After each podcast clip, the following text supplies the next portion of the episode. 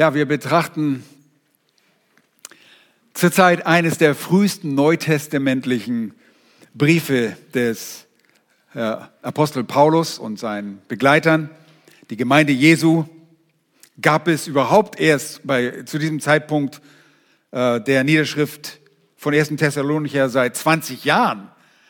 Also die, die Gemeinde Jesu Christi seit Pfingsten gab es seit 20 Jahren. Dennoch hatte sich das Evangelium von Jesus Christus schon über einige Gebiete des römischen Reiches ausgebreitet, ausgehend zunächst von Jerusalem und dann später von dem syrischen Antiochia reisten dann die Missionare in Richtung Westen. Und auf der zweiten Missionsreise war nun der Apostel Paulus und sein Reisebegleiter Silvanus, äh, bei Lukas ist er Silas, unterwegs einen neutestamentlichen Propheten Gottes aus Jerusalem. Und Silvanus war einer der führenden Männer in Jerusalem, die mit Judas Barsabas die schriftliche Nachricht des Apostel-Ältestenkonzils zu den Antiochiern überbrachte. Sie legten äh, außerdem mündlich von der Entscheidung dieses Konzils Zeugnis ab bei den Antiochiern. Das könnt ihr nachlesen, Apostelgeschichte 15 und Vers 27. Und auf ihrer gemeinsamen Reise nun, der zweiten Missionsreise, nehmen sie unterwegs diesen gottesfürchtigen und voll guten Rufes ähm, seienden Timotheus mit äh, auf die Reise. Gemeinsam hatten sie nun sogar das europäische Festland erreicht, das Evangelium brachte tatsächlich dort auch geistliche Frucht in der römischen Provinz von Mazedonien.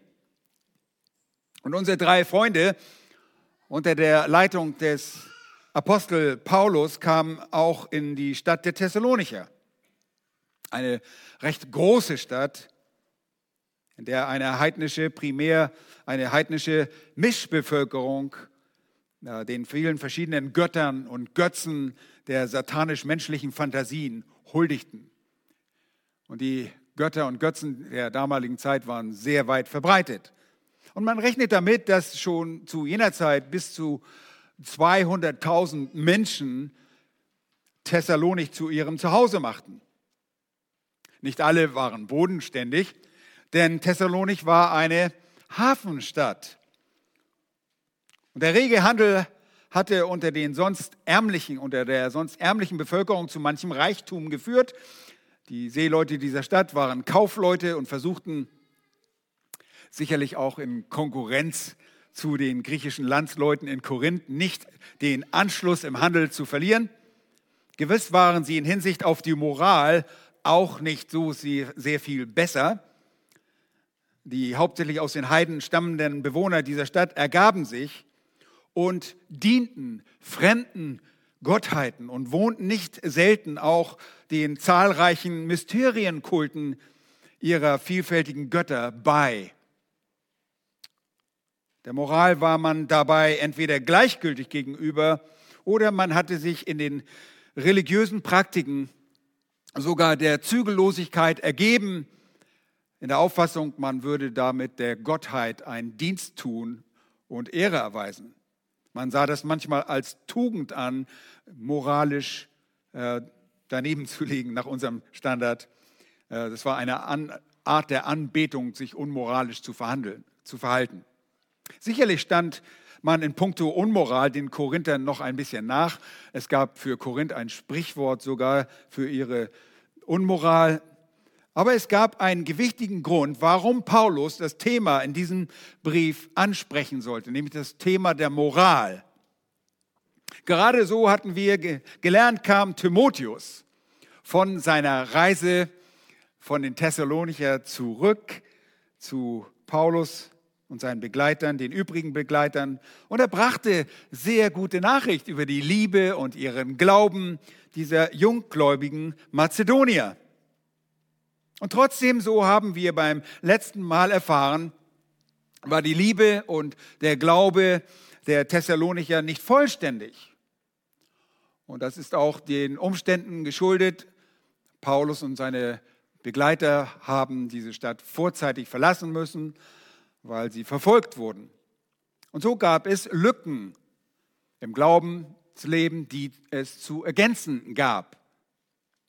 Wir lesen bei ihnen, dass sie Liebe besaßen. Es ist nicht so, dass die Thessalonicher nicht liebevoll waren. Sie werden dafür sogar geehrt und gelobt und äh, sie, die Missionare, erinnern sich gerne zurück in ihren Gebeten daran, wie liebevoll sie waren an die Bemühung der Liebe und das Werk des Glaubens, das sie unter den Thessalonichern wohl in Erinnerung hatten. Die Missionare beteten deshalb für die Liebe dass sie noch überströmender werden sollte und vor allem von allen äh, übrigen Menschen waren sie Auserwählte aus dieser Stadt, die wirkliche Liebe hatten und diese Liebe sollte überströmend werden zueinander. Sie sollten untereinander Liebe haben, aber auch zu allen Menschen. Das heißt, letztlich auch, dass sie missionarisch aktiv sein sollten. Und auch das sehen wir, ihr Zeugnis breitete sich überall aus. Nun, darin galt es nun, noch mehr zuzunehmen. Sie hatten Liebe, sie hatten Glauben, sie sollten Gehorsam zeigen und in all diesen Dingen sollten sie zunehmen und noch mehr und noch überreicher werden. In Kapitel 4 nun geht deutlich hervor, dass die Missionare darum besorgt waren, dass die Thessalonicher auch im Glauben, im Gehorsam vielmehr zunehmen sollten. Sie hatten durch ihre Lehrer, speziell dem Apostel Paulus, klare Anweisungen. Sie hatten Gebote empfangen, die ihnen nahelegten, wie sie zu leben und Gott gefallen sollten. Und wenn ihr dort in Vers 2 das Wort euch anschaut, Gebote, dann ist die Verbform, wenn man die Verbform sich anschaut, und sie kommt in Apostelgeschichte 5, 28 vor, sind das strenge Anweisungen. Es bedeutet strenge Anweisungen geben. Gebote heißt strenge Anweisungen geben. In Apostelgeschichte 5, 28 lesen wir, haben, da sagt der Sanhedrin zu den Aposteln, haben wir euch nicht streng verboten, in diesem Namen zu lehren. Und obwohl die Thessalonicher nun nicht das Neue Testament vor sich liegen hatten, wurden sie in der Lehre eines Apostels unterwiesen. Und das ist die Lehre des Neuen Testaments, die dann auch schriftlich festgehalten werden sollte. Es gab keine andere Autorität. Der Herr Jesus Christus hatte diese Apostel besonders berufen und sie konnten auf Fragen der übrigen Brüder und Gläubigen Antwort geben, wie das Wort Gottes im Alten Testament und wie das Neue Testament Wahrheiten zum neuen Bund zu verstehen waren. Und sie hatten somit das Neue Testament. Sie hatten das Wort Gottes. Und das Wort Gottes sollte nun auch durch den an sie gerichteten ersten Thessalonicher Brief und etwas später sogar den zweiten Thessalonicher Brief ergänzt werden. Und obwohl sie vermutlich keine Schriften des Neuen Testaments besaßen, vielleicht den Jakobusbrief, das wäre denkbar, denn Jakobus schrieb bevor im Jahre 45 ungefähr, schrieb er an die gläubigen Juden in der Zerstreuung. Möglicherweise gab es eine Abschrift dort in der Synagoge, aber sie appellieren an ihr Wissen. Ihr habt es beim letzten Mal gesehen, er appelliert, die Missionare appellieren an das Wissen der Thessalonicher. Sie wussten um Gebote, sie wussten darum, wie sie wandeln sollten, denn sie wurden belehrt. Da heißt es in 4.2, denn ihr wisst, welche Gebote, welche strengen Anweisungen wir euch gegeben haben im Auftrag des Herrn. Das waren also nicht nur irgendwelche eigenmächtigen Vorschläge irgendeines reisenden Missionars oder Philosophen, sondern das waren die Worte Gottes. Sie taten es im Auftrag des Herrn Jesus Christus. Diese Gebote nun sollten sie befolgen. Paulus ruft den Bekehrten ins Gedächtnis, was er und seine Gefährten ihnen gesagt hatten. Und er charakterisiert ihren Dienst unter ihnen als eine Art Übermittlung von Geboten. Diese waren verbindlich, weil sie in der Vollmacht des Herrn Jesus gegeben wurden. Mit diesem ersten Brief hebt er nun eines dieser Gebote ganz besonders hervor. Er beschreibt es als Beispiel des Willen Gottes. Und es lässt vermuten, dass sich Timotheus bei Beobachtung während seines Besuches bei den Thessalonichern Sorge in Hinsicht auf die Moral der Gläubigen machte.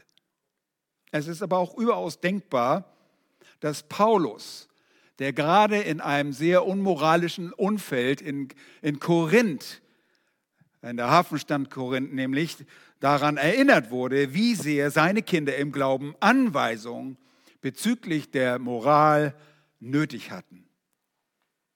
Letztlich ist dieses Thema von größter Relevanz und so lesen wir den Text von Kapitel 4. Ich lese ab Vers 1, während nur Vers 3 heute den, also nur Vers 3 macht den Predigtext aus. Ich lese, weiter nun, ihr Brüder, bitten und ermahnen wir euch in dem Herrn Jesus, dass ihr in dem noch mehr zunehmt, was ihr von uns empfangen habt, nämlich wie, wie ihr wandeln und Gott gefallen sollt. Denn ihr wisst, welche Gebote wir euch gegeben haben im Auftrag des Herrn Jesus. Und jetzt der Vers 3. Denn das ist der Wille Gottes, eure Heiligung, dass ihr euch der Unzucht enthaltet. Und das Semikolon ist richtig gesetzt, aber wir machen hier einen Punkt für heute und äh, werden uns beim nächsten Mal mit den Details beschäftigen. Also nur dieser eine Vers. Zum besseren Verständnis für uns alle wollen wir diesen Vers, der augenscheinlich auch uns sofort verständlich ist, häppchenweise auslegen. Und dazu wollen wir Fragen stellen und beantworten, die sich aus diesem kurzen Satz ergeben oder ergeben könnten. Drei Antworten auf zentrale Fragen zu einem Gott wohlgefälligen Leben inmitten einer Gesellschaft zügelloser Frevler. Als ich das meiner Frau vorgelesen habe, hat sie gesagt, soll das das Predigtthema sein? Ist viel zu lang. Okay, habe ich gesagt, dann muss ich mir was anderes einfallen. Und dann habe ich gedacht, hm, frag Gott, wie du leben sollst. Könnt ihr das behalten? Frag Gott, wie du leben sollst. Das ist mein Thema. Aber es geht eigentlich um drei Antworten auf drei Fragen zu einem Gott wohlgefälligen Leben inmitten einer Gesellschaft zügelloser Frevler. Drei Fragen, drei Antworten zu den Aussagen des Textes dieses kurzen Verses. Nochmals, denn das ist der Wille Gottes, eure Heiligung, dass ihr euch der Unzucht enthaltet. Und die erste zentrale Frage, die sich ergibt, ist, was ist der Wille Gottes? Nun, wir können sofort antworten, worin der Wille Gottes in diesem Text steht, besteht. Die Antwort folgt unmittelbar, sie liegt auf der Hand. Grammatikalisch ist die Antwort mit dem ersten Satzteil auf das Allerengste verbunden. Man spricht in der Grammatik von einem, das wisst ihr sogar noch aus der Schule, einem Gleichsetzungsnominativ. Das müsst ihr euch nicht merken, aber man kann die Satzteile wechseln und einen erheblichen Schaden dabei sogar vermeiden. Denn die Wörter stehen alle im ersten Fall. Das ist der Nominativ. Okay? Man kann sagen, der Wille ist das, eure Heiligung. Oder du kannst sagen, äh, das Geschriebene umdrehen, eure Heiligung, das ist der Wille Gottes. Ja? Nicht viel Schaden angerichtet.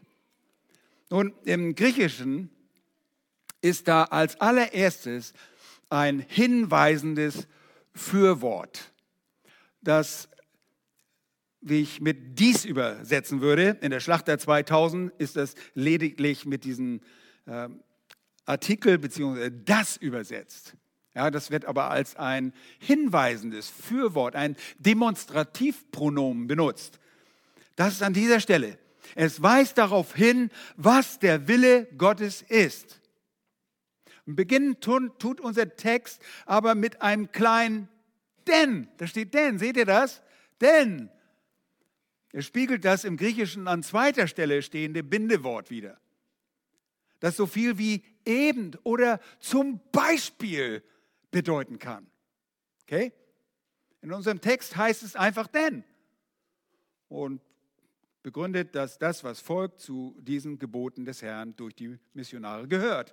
Paulus wird dieses kleine Bindewort unter den Leitung des Heiligen Geistes bewusst genutzt haben, um eine notwendige Ermahnung zum Sexualverhalten anzusprechen. Er sagt also quasi, ihr Thessalonicher, als Beispiel eines dieser strengen Gebote aus Vers 2 des vorschreibenden Willen Gottes sei hier die Heiligung genannt. Genauer gesagt, enger und präziser ausgewählt aus dieser Heiligung, dass ihr euch der Unzucht enthaltet. Nun, wenn wir über den Willen Gottes generell sprechen, was meinen wir damit? Ich meine jetzt nicht diesen speziellen, die Heiligung. Wenn wir den Willen Gottes ansprechen. Wir haben gerade davon, das letzte Lied hat davon gesprochen, wie man den Willen Gottes findet und einige gehen zu ihren Freunden und so weiter. Keine Angst, wir könnten sicherlich über den Willen Gottes eine ganze Stunde sprechen und äh, wir hätten immer noch genug Stoff. Das werden wir nicht tun, denn der Wille Gottes umfasst grundsätzlich zwei Aspekte. Aber die zwei Aspekte behandeln wir nicht voll. Ich will euch nur einen Einblick geben, was das bedeutet. Zum einen gibt es den Willen Gottes, der aus seinen Beschlüssen hervorgeht. Gott hat Dinge beschlossen. Wann hat er beschlossen? Vor Grundlegung der Welt hat er beschlossen. Man spricht deshalb auch von Gottes beschließendem Willen. Was er beschlossen hat.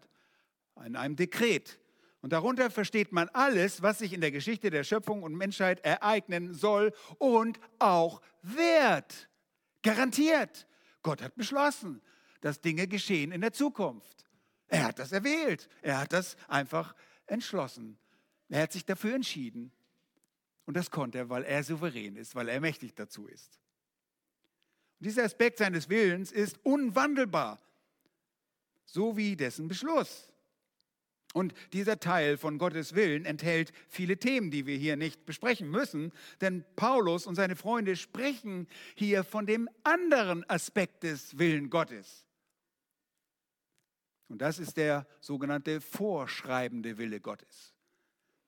Der vorschreibende Wille Gottes besteht aus seinen Vorschriften, lässt man lässt sich einfach erkennen, in Hinsicht auf das Verhalten der Menschen. Gott gibt Gebote. Er schreibt vor, er sagt, das gefällt mir. Darum geht es hier.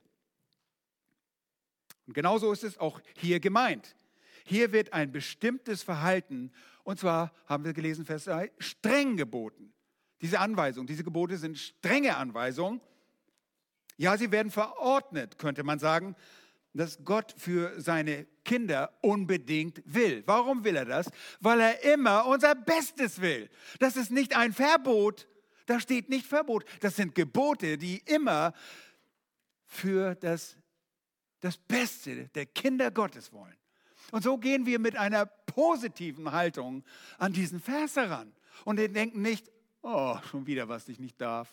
Schon wieder etwas, wo mir jemand Salz in die Suppe sträubt.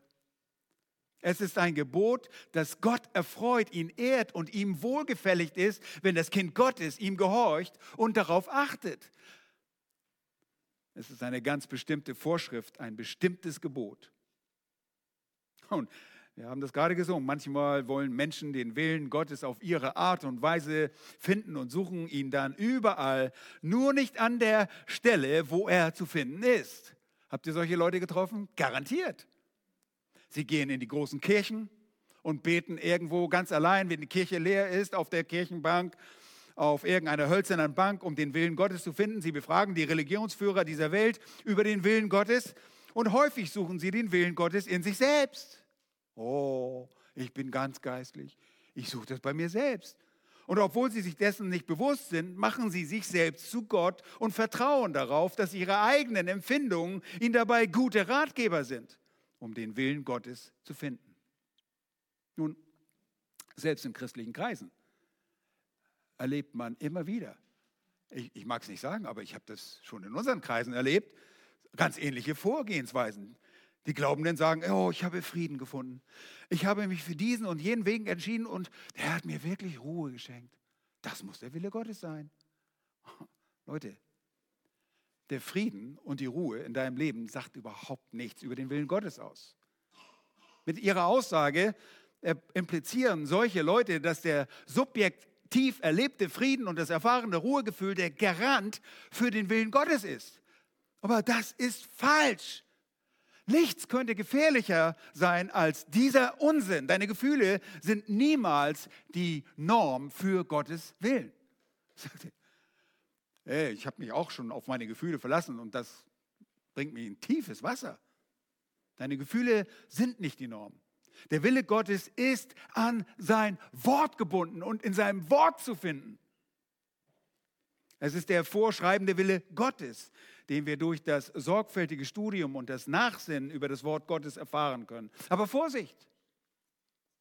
Der vorschreibende Wille Gottes kann falsch interpretiert werden. Und für junge Christen ist deshalb auch Wachstum erforderlich. Und es geht deshalb auch nicht ohne Lehrer. Und wir denken, oh, aber was mit den Thessalonichern? Wisst ihr was?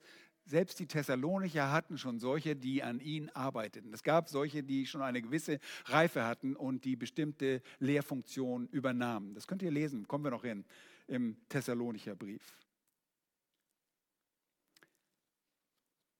Nun, für junge Christen geht es deshalb nicht ohne Lehrer und wir brauchen immer Lehrer. Deshalb hat Gott uns Lehrer gegeben. Und zwar denken manche, lesen ersten Johannesbrief und sagen, wir brauchen keinen Lehrer, wir haben Heiligen Geist, wir brauchen keine Lehrer. Das ist ein großer Irrtum. Wir würden überhaupt nichts ohne den Heiligen Geist verstehen, aber wir brauchen Lehrer.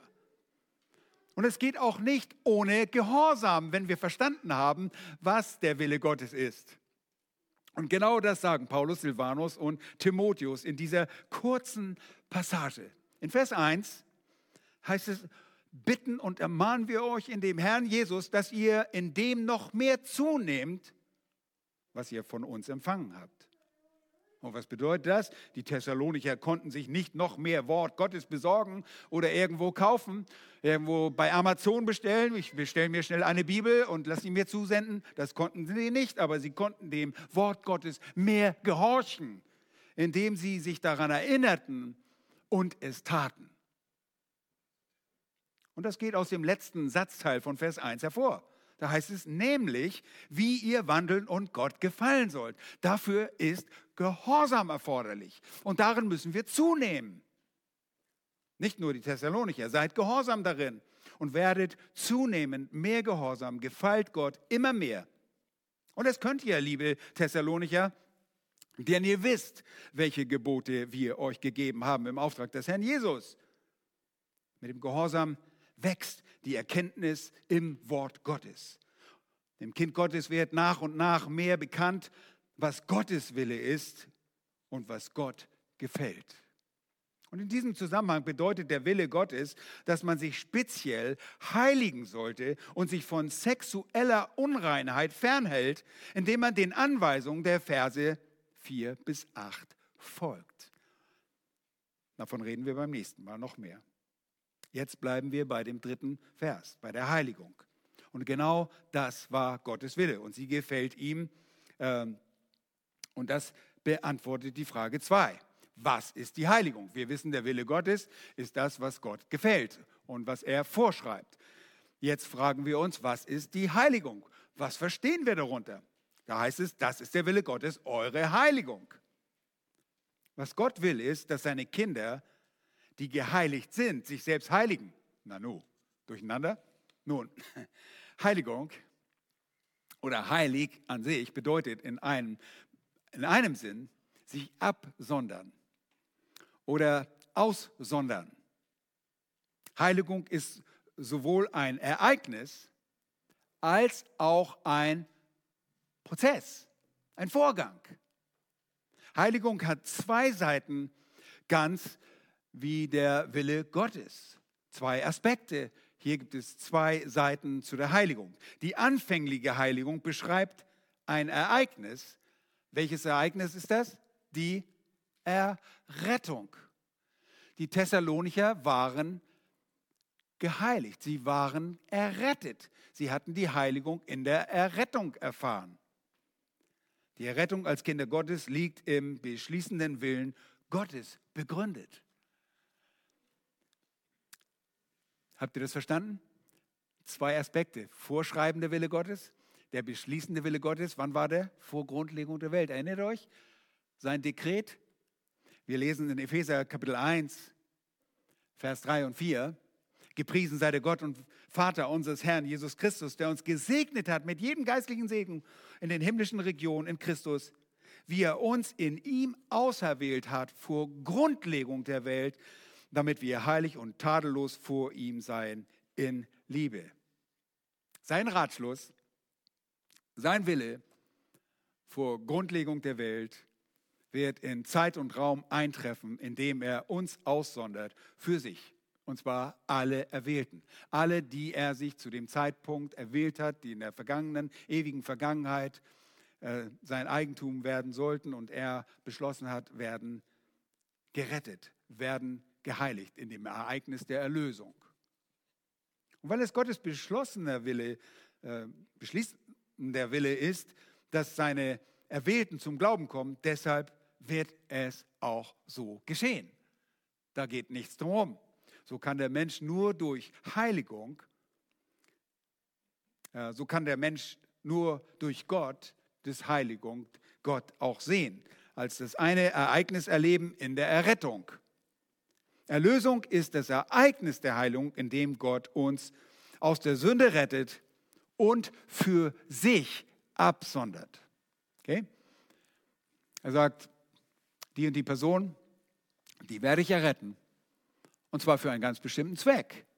Für mich selbst. Damit sie vor mir, vor, vor meinen Augen untadelig sind, dass sie äh, ohne Makel sind.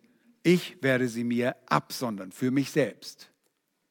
Und er sondert uns aus, damit wir ihm dienen und ihm gefallen. Und genau das passierte auch bei den Thessalonicher. Erinnert ihr euch? Sie wandten sich ab von den Götzen. Sie kehrten sich ab von dem Götzen, sie dienten den Götzen und jetzt dienten sie dem lebendigen Gott. Sie hätten die Heiligung, dieses Ereignis der Heiligung erfahren und kommen jetzt in diesen Vorgang, diesen Prozess der Heiligung. Die Errettung führt zu dem anderen Teil der Heiligung, der auf das Ereignis aufbaut.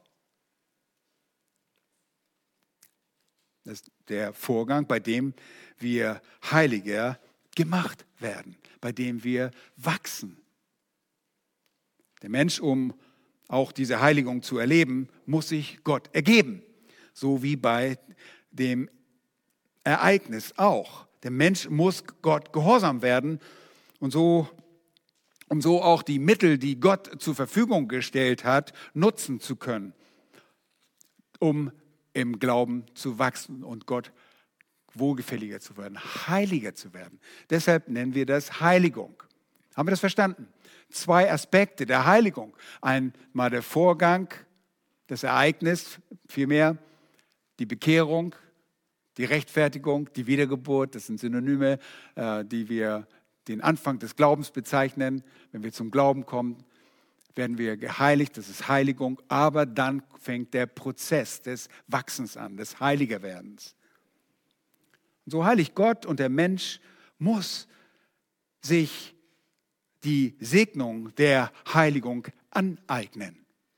Okay? Gott gibt alles, aber wir müssen unseren Teil dazu tun. Es ist nicht so, okay, jetzt werde ich geheiligt. Ich schalte auf Automodus oder auf Autopilot und cruise durch das Leben. Gott wird mich schon heiliger machen. Das passiert nicht. Wir müssen uns die Segnung der Heiligung aneignen. Und bei dem vorschreibenden Willen Gottes offenbart Gott nicht, was Gott selbst tut, sondern was er vom Menschen erwartet. Versteht ihr das? Bei dem Dekret, bei dem beschließenden Willen Gottes, da sagt Gott, dies und dies wird geschehen. Okay, am Ende der Zeit wird mein Sohn, der Herr Jesus Christus, der Herr der Herren, der König der Könige, er wird zurückkommen. Und es wird so geschehen. bei dem vorschreibenden Willen, den Geboten, da wird nicht gesagt, was Gott tut, sondern da wird betont, was vom Mensch erwartet wird. Seid gehorsam. Da siehst du nicht den Ausgang. Wir sehen nicht den Ausgang, sondern es wird darauf erwartet, dass der Mensch sich die Segnung der Heiligung aneignet. Und das ist hier der Fall. Gott erwartet die Heiligung von den Thessalonichern und von allen Kindern Gottes. Was ist Heiligung? Ich wiederhole es. Heilig bedeutet einerseits und vereinfacht gesprochen, abgesondert zu sein, andersartig zu sein, so dass Heiligen und Heiligung dann ein Absondern von etwas und für etwas ist. Ich meine, die Leute, die euch gekannt haben, bevor ihr gläubig wart, äh, ja, und die euch dann nach dem Glauben kennengelernt haben, die haben gesagt, die haben irgendwie eine Macke gekriegt, die sind irgendwie anders, die, die haben völlig andere Ansichten. Ja, weil ihr euch jetzt abgesondert habt und Gott euch ausgesondert hat. Ihr habt angefangen, Gott zu gefallen. Und Heiligung bedeutet, Gott, dem heiligen Gott, ähnlicher zu werden in diesem Prozess. Einerseits ist es ein Absondern und andererseits ist es moralisch betrachtet, bedeutet es makellos und rein zu sein. Also heilig sein bedeutet einerseits absondern, auf der anderen Seite makellos rein zu sein. Beides ist auch unser Gott. Und wir, es ist so wunderschön, wie wir im dritten Buch Mose so viel von der Heiligung Gottes gelesen haben in den vergangenen Wochen. Gott hat immer wieder gesagt, ich bin heilig, ihr sollt auch heilig sein. Und er hat seine Vorschriften gegeben. Gott ist beides. Er ist abgesondert, er ist völlig anders als seine, seine gesamte Schöpfung. Und er ist absolut makellos und rein, ohne Sünde. Er unterscheidet sich von allen lebenden Wesen durch seine Einzigartigkeit, die ihn absondert von seiner Schöpfung. Und er ist rein. Und alle seine Eigenschaften oder Vollkommenheiten und sein ganzes Wesen sprechen von seiner Heiligkeit. Diese ungetrübte und strahlende Heiligkeit stellt seine einzigartige Herrlichkeit dar. Okay, jetzt wissen wir ein bisschen, was heilig ist. Nun ist aber auch Gottes Wille, dass Menschen ihm gleichgestaltet werden, weil wir sein Ebenbild sind, das Bild Gottes tragen. Wir haben gerade bei den Männern die Ebenbildlichkeit Gottes versprochen, dass wir das Bild Gottes tragen. Und wir sollen ihm gleichgestaltet werden. Es ist sein Wille, Menschen zu heiligen, damit sie sich ihm nähern können und seinen Maßstäben entsprechend leben, um ihm zu dienen, ihm zu gefallen, so zu sein, wie er ist. Und so erlöst er uns als Erwählte Gottes von unseren Sünden und versetzt uns in einen heiligen Stand, in eine heilige Stellung. Und die Bibel spricht von einem wahrhaft Gläubigen sofort nach seiner Bekehrung als von einem Heiligen. Das ist völlig überraschend, oder? Dass wir Heilige bezeichnet werden? Das ist meines Erachtens sehr überraschend. Wir sind Heilige und das, obwohl unser Zustand und unser Verhalten noch lange nicht der Heiligkeit Gottes entsprechen.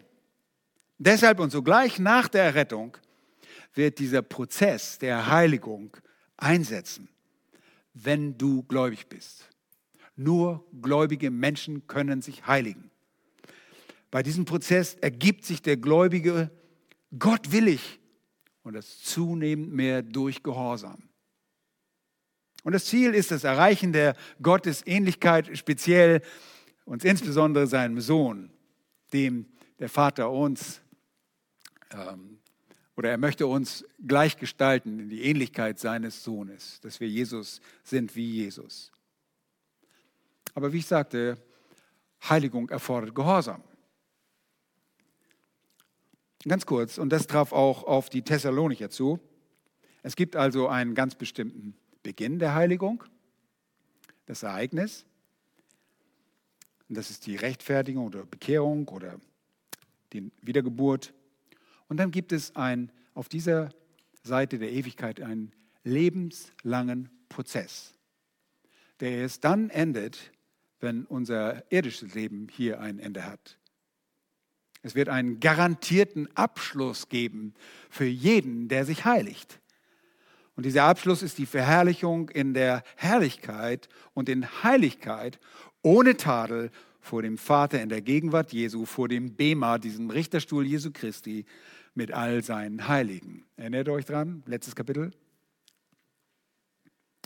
Nun, es gibt bei der Heiligung eine göttliche Seite. In den meisten Fällen sehen wir, dass der Heilige Geist daran beteiligt ist, aber auch der Vater und der Sohn heiligen die Kinder Gottes, die Jünger. Und dann gibt es die menschliche Seite, und das sage ich, es muss eine Aneignung des göttlichen Segens stattfinden, das willige Mitwirken des Gotteskindes im Werk Gottes. Nun, wie können wir uns heiligen? Und das ist alles noch zu der Frage, was ist Heiligung? Weil wir lesen hier einfach, das ist der Wille Gottes, eure Heiligung. Okay, was nützt mir das, wenn du nicht weißt, was Heiligung ist? Wie können wir wachsen? Wie können, was können wir tun? Nun, zum einen haben wir schon betont, heiligen können wir uns nur in dem, dass wir wissen, was Gott will. Und wo erfahren wir das? Im Wort Gottes. Wir brauchen das Wort Gottes. Und das, das, ist kein magisches Buch, das man unter das Kopfkissen legt oder in, äh, auf seinen Arbeits-, auf den Schreibtisch legt und sagt, ha, jetzt werde ich geheiligt. Sondern wir müssen dieses Buch was? Wir müssen es lesen, wir müssen es verstehen und wir müssen dem glauben, was wir lesen, damit wir es anwenden. Sonst heiligt uns das Buch nicht. Sonst kannst du dir alle möglichen, kannst dir zehn Bibeln übereinander stapeln. Aber es kommt nicht zur Heiligung, wenn du diesem Buch nicht folgst, wenn du darin nicht studierst. Und gleichzeitig, damit wir Verständnis des Wortes Gottes haben, brauchen wir das Gebet. Ist ein Mittel, ein Gnadenmittel der Heiligung, ist das Gebet. Wir bitten, Herr, heilige uns, sonde uns ab, hilf mir, dass ich gehorsam bin. Wir brauchen dieses Gebet.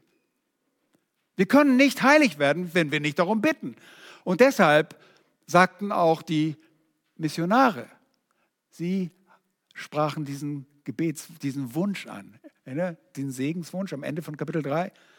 Deshalb gehen wir davon aus, sie haben nicht nur gewünscht, sondern sie haben tatsächlich auch für die Thessalonicher gebetet, dass sie in der Liebe zunehmen füreinander und zu allen. Wir müssen glauben. Du kannst nicht im Glauben wachsen, wenn du nicht glaubst. Und kommst an der Bibel und sagst, ne, also das will ich nicht hier haben, was da drin ist. Ja, nein, du musst, du musst Gott glauben. Du kannst Gott nicht gefallen. Du musst ihm glauben, du musst ihm vertrauen. Und du wirst gesegnet von Gott, wenn du ihm vertraust, weil er wird durch deinen Glauben geehrt. Und das ist ein Gnadenmittel, damit du in deiner Heiligung vorankommst und weiter wächst. Du glaubst ihm. Und wir verteidigen uns auch durch den Glauben vor den Lügen des Satans, der an uns herantritt mit allen möglichen Ideologien und Issens und Schisms und was nicht alles. Und wir, wir sagen, nein, hier ist die Wahrheit. Ich glaube der Wahrheit. Und dadurch wirst du geheiligt. Du sonderst dich mehr und mehr ab für den Herrn. Und dann stellen wir fest, oh, ich glaube aber nicht immer. Und was brauchen wir dann? Wir brauchen die, die Reinigung. Reinigung ist ein Gnadenmittel. Wisst ihr was? Wir, wir wären tot. Ich wäre schon lange nicht mehr hier, wenn ich mich nicht reinigen könnte. Aber Gott hat es so gemacht, dass wir uns reinigen können. 1.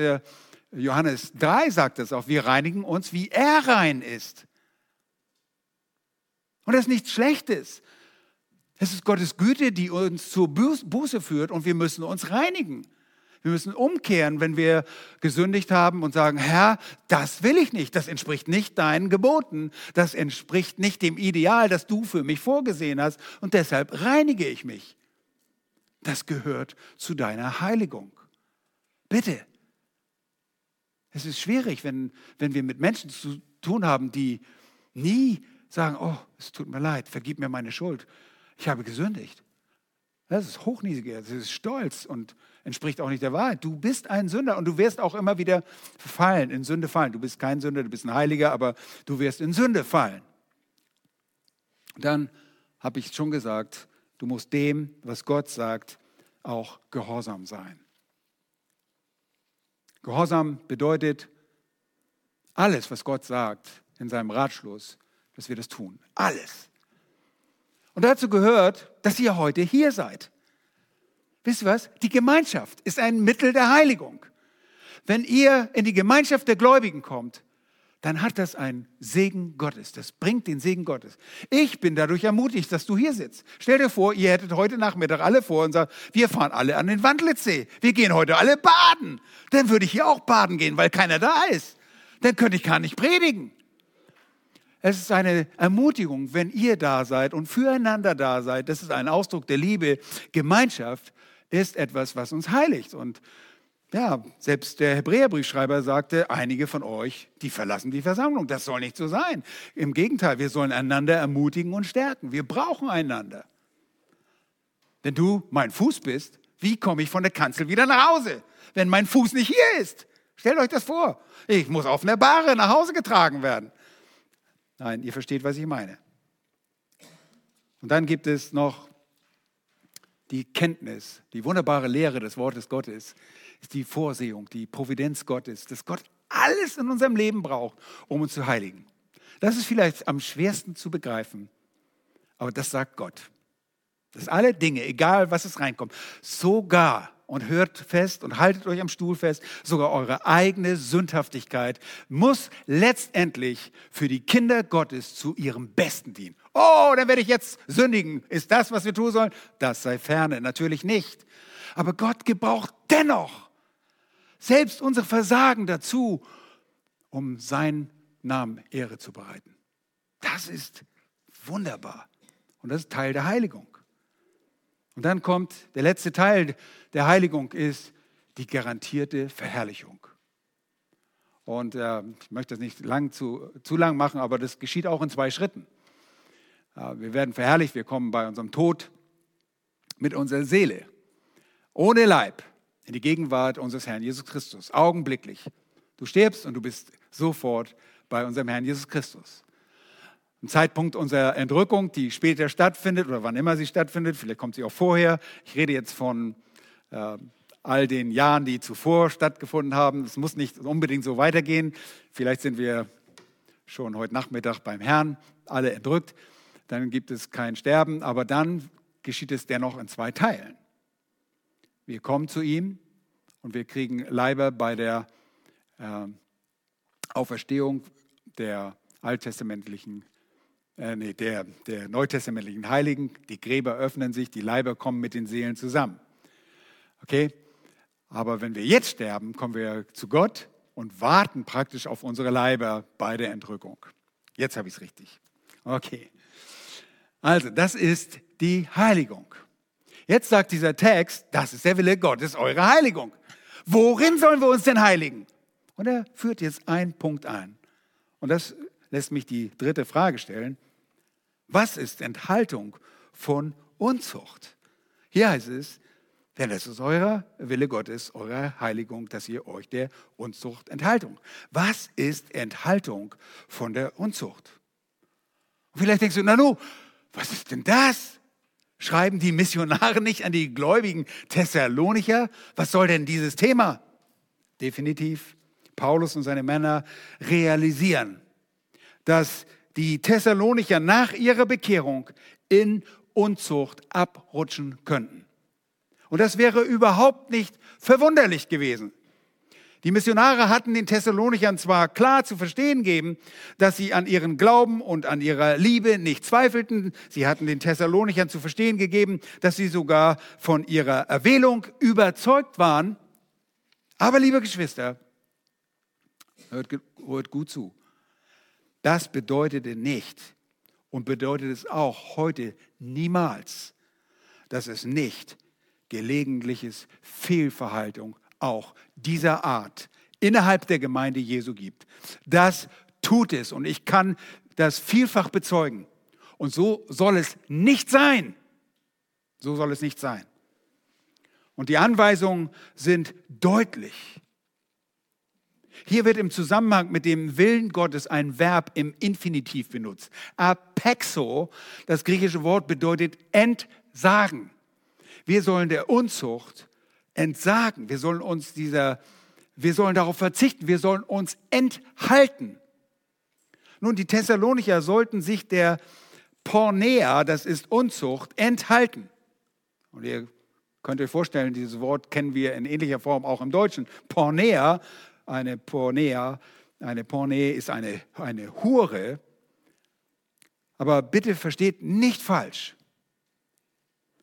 Hier spricht der Apostel Paulus mit seinen Begleitern nicht Ehepaare an, sich voneinander zu enthalten. Oh, da steht er nicht. Oh nein, Paulus schreibt in 1. Korinther 7 und Vers 5, entzieht euch einander nicht, außer nach Übereinkunft. Eine Zeit lang, damit ihr euch dem Fasten und dem Gebet widmen könnt und kommt dann wieder zusammen. Warum sagt er das? Damit euch Satan nicht versucht, um eurer Unenthaltsamkeit willen.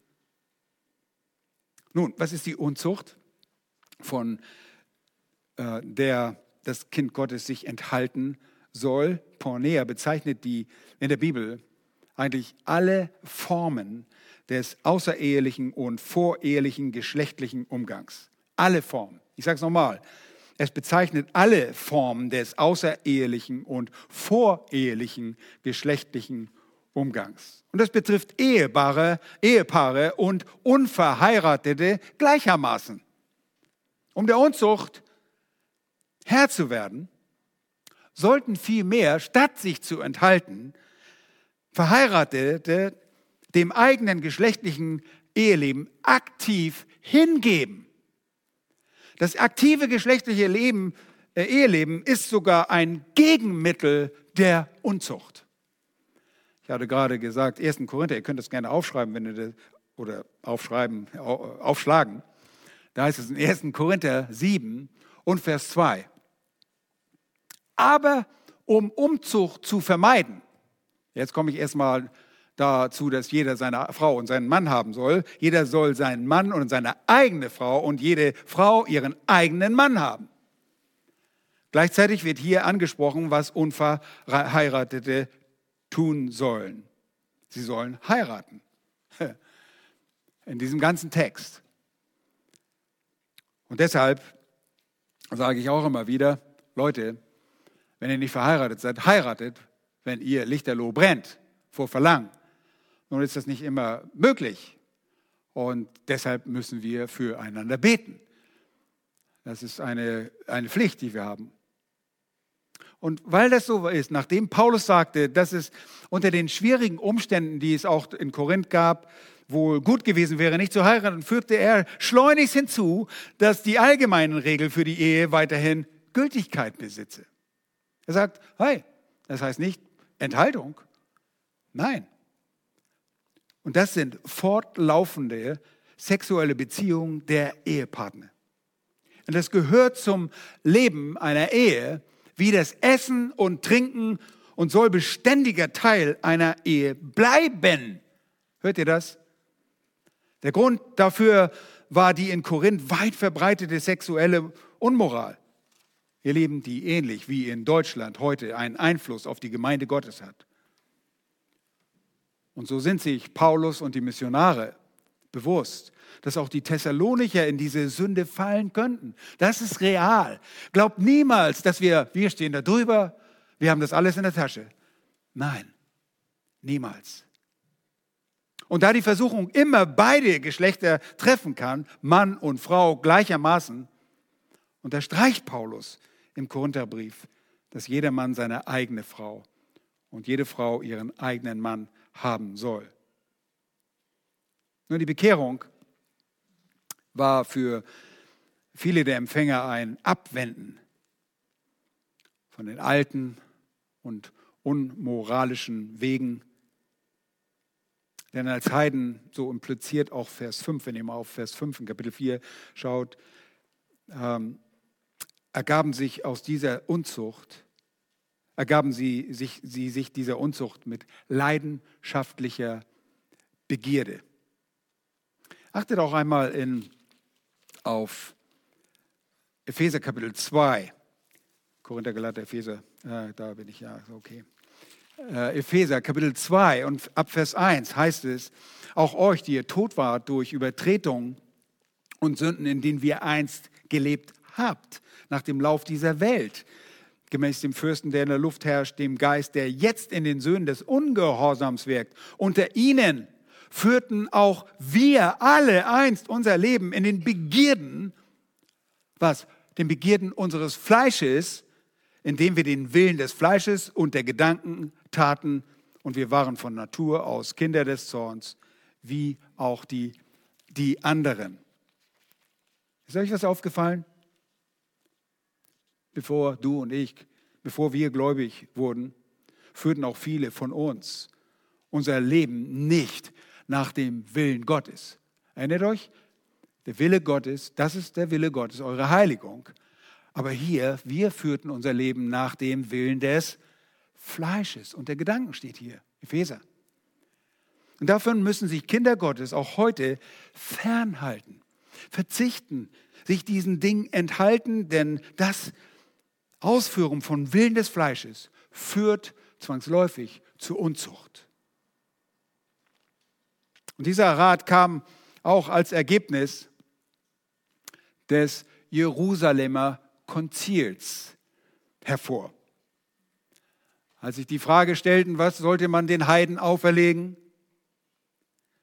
Man sollte den Heiden keine weitere Bürde auferlegen, äh, sagte der Halbbruder unseres Herrn Jesus Christus, Jakobus, dort am Ende des Konzils, als er urteilt, er war einer der Vorsitzenden, der Älteste der Gemeinde in Jerusalem, und er sagt dort in Apostelgeschichte 15, die Verse 18 bis 20, er sagt, Gott sind alle seine Werke von Ewigkeit her bekannt. Darum urteile ich, dass man denjenigen aus den Heiden, die sich bekehren, keine Lasten auflegen soll, sondern ihnen zu schreiben soll, dass sie sich von Verunreinigung durch die Götzen, da sollten sie sich enthalten, und von der Unzucht, vom Erstickten und vom Blut enthalten. Okay, und ich bin mir sicher, als Paulus und seine Leute bei den Thessalonichern ankommen, war das zunächst die Übermittlung an die Juden. Er sagte hier, wisst ihr was, wenn ihr zum Glauben kommt, wir brauchen den nicht auferlegen. Und das sorgte schon für Furore, als er das Evangelium verkündigte.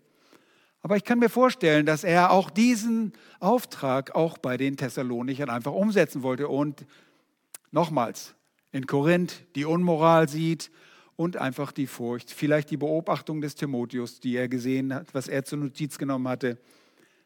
Deshalb schreiben sie jetzt hier, sie sollten sich enthalten.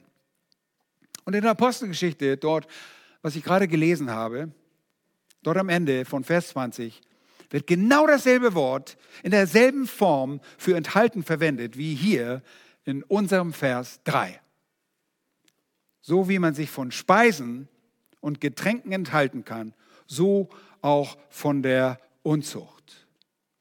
Nochmals, was ist diese Unzucht? Pornea bezeichnet nochmals alle Formen des außer- und vorehelichen geschlechtlichen Umgangs. Das betrifft euch, die ihr nicht verheiratet seid. Ihr könnt nicht sagen, oh, das interessiert mich nicht, ich bin nicht verheiratet. Nein, es betrifft alle Formen. Und Pornea, diese Unzucht, ist etwas, was Gott im Alten Testament in einem geistlichen Art und Weise immer wieder in seinem eigenen Leben erlebt hatte. Dass er nämlich Israel, seine Ehefrau, erlebte, wie sie sich geistlich immer wieder anderen Nationen und anderen Götzen zuwendete und so Israel geistliche Prostitution betrieb, nicht nur Israel, sondern auch Juda und er ist damit vertraut. Und er sagt, das sollt ihr nicht tun. Enthaltet euch dieser Dinge. Nun, wie im Speziellen, warum das so ist und wie das ausgeführt wird, das hören wir dann beim nächsten Mal. Hier machen wir an dieser Stelle dann Schluss. Lass uns beten. Herr, wir danken dir, dass du uns Anweisungen, klare Anweisungen gibst, was dein Wille ist. Danke, dass dein Wille geoffenbart ist in deinem Wort. Das, was für uns von Bedeutung ist, was für uns wichtig ist, um dir wohlgefällig nachzufolgen, das hast du alles aufschreiben lassen. Durch heilige Männer, die durch den Geist Gottes getrieben wurden und die dein Wort aufschrieben. Danke, dass wir dieses dein Wort haben, dass wir darin lesen können, dass wir uns daran orientieren können, Herr, wir leben in einer pervertierten, in einer frevlerischen, in einer zügellosen Gesellschaft, ja, in einer Gesellschaft zügelloser Frevler. Und äh, wir bitten dich, dass du uns hilfst, in dieser Gesellschaft als ein Licht zu leben. Dir zur Ehre, dir zur Freude. Herr, du kennst unser Leben, du kennst auch unsere Versagen. Wir danken dir, dass für jede Sünde Vergebung zu finden ist, dass wir zu dir kommen dürfen und dass du sie auslöscht. Denn jede Sünde vor dir ist hässlich und jede Sünde darf nicht, keine Sünde darf toleriert werden. Danke dafür, dass wir bei dir uns heiligen dürfen, dass du uns die Mittel, die Gnadenmittel zur Heiligung gegeben hast. Und wir bitten dich, heilige uns durch dein Wort. Danke, dass du schon für uns gebetet hast, Herr Jesus Christus, zu deinem Vater, dass er uns heiligen möge. Und wir beten auch, Herr, bitte segne uns und hilf uns, dass wir dieser wunderbaren Segnung der Heiligung, dass wir Anteil haben dürfen an all diesen wunderbaren Dingen, die du uns bereithältst, wenn wir nur deinem Wort folgen. Hilf uns, dass wir nicht engstirnig sind, dass wir begreifen, dass es uns zum Vorteil, uns zur Freude und dir zur Ehre gereicht. Und so beten wir darum. Herr, wir reinigen uns, wir wollen gehorsam sein. Hilf, dass wir im Gehorsam wachsen, dass wir tun, was dein Wort sagt. Danke für die Geschwister, die sich versammeln, um deinem Wort die Ehre zu geben, auf dein Wort zu hören. Wir danken dir für jeden Umstand in unserem Leben. Und das ist das Überwältigende, Überwältigende äh, in unserem Leben, dass es nichts gibt, was uns widerfahren kann, was du nicht gebrauchst, um uns zu heiligen und weiterzubringen, näher zu dir. Denn wir sind deine Kinder. Du lässt uns nicht aus den Augen. Du gibst uns alles, was wir brauchen. Du hast uns nichts vorenthalten, auch wenn der Satan uns oft diese Dinge einbläuen möchte und das suggeriert, dass uns etwas fehlt. Uns fehlt es nichts an nichts. Wir danken dir und wir danken dir, dass du mit uns auch zum Ziel kommen wirst in der Verherrlichung. Und so bitten wir dich, hilf du uns, dass wir uns der Unzucht enthalten und dass wir das nicht nur äußerlich tun, denn wir wissen, dass äh, das, was in unserem Herzen vor sich geht, genauso viel Gewicht hat und genauso von dir gehasst wird, wenn wir keine reinen Gedanken haben. Du, Herr Jesus Christus, hast das so deutlich gemacht in deiner Bergpredigt als du die Pharisäer und die Schriftgelehrten mit ihrer eigenen Gerechtigkeit korrigiert hast und deine Gerechtigkeit offenbart hast. Hilf uns, dass wir den Geist deines Gesetzes begreifen und lieben, dass wir alle boshaften Gedanken ausrotten und dass wir uns stattdessen mit deinem Wort füllen. Denn dein Wort ist gut für uns. Dein Wort ist die Wahrheit. Dein Wort ist ein Licht auf unserem Weg. Hilf uns, dass wir dein Wort in unserem Herzen behalten, auf dass wir nicht wieder dich sündigen. Das bitten wir um deines Namens willen. Amen.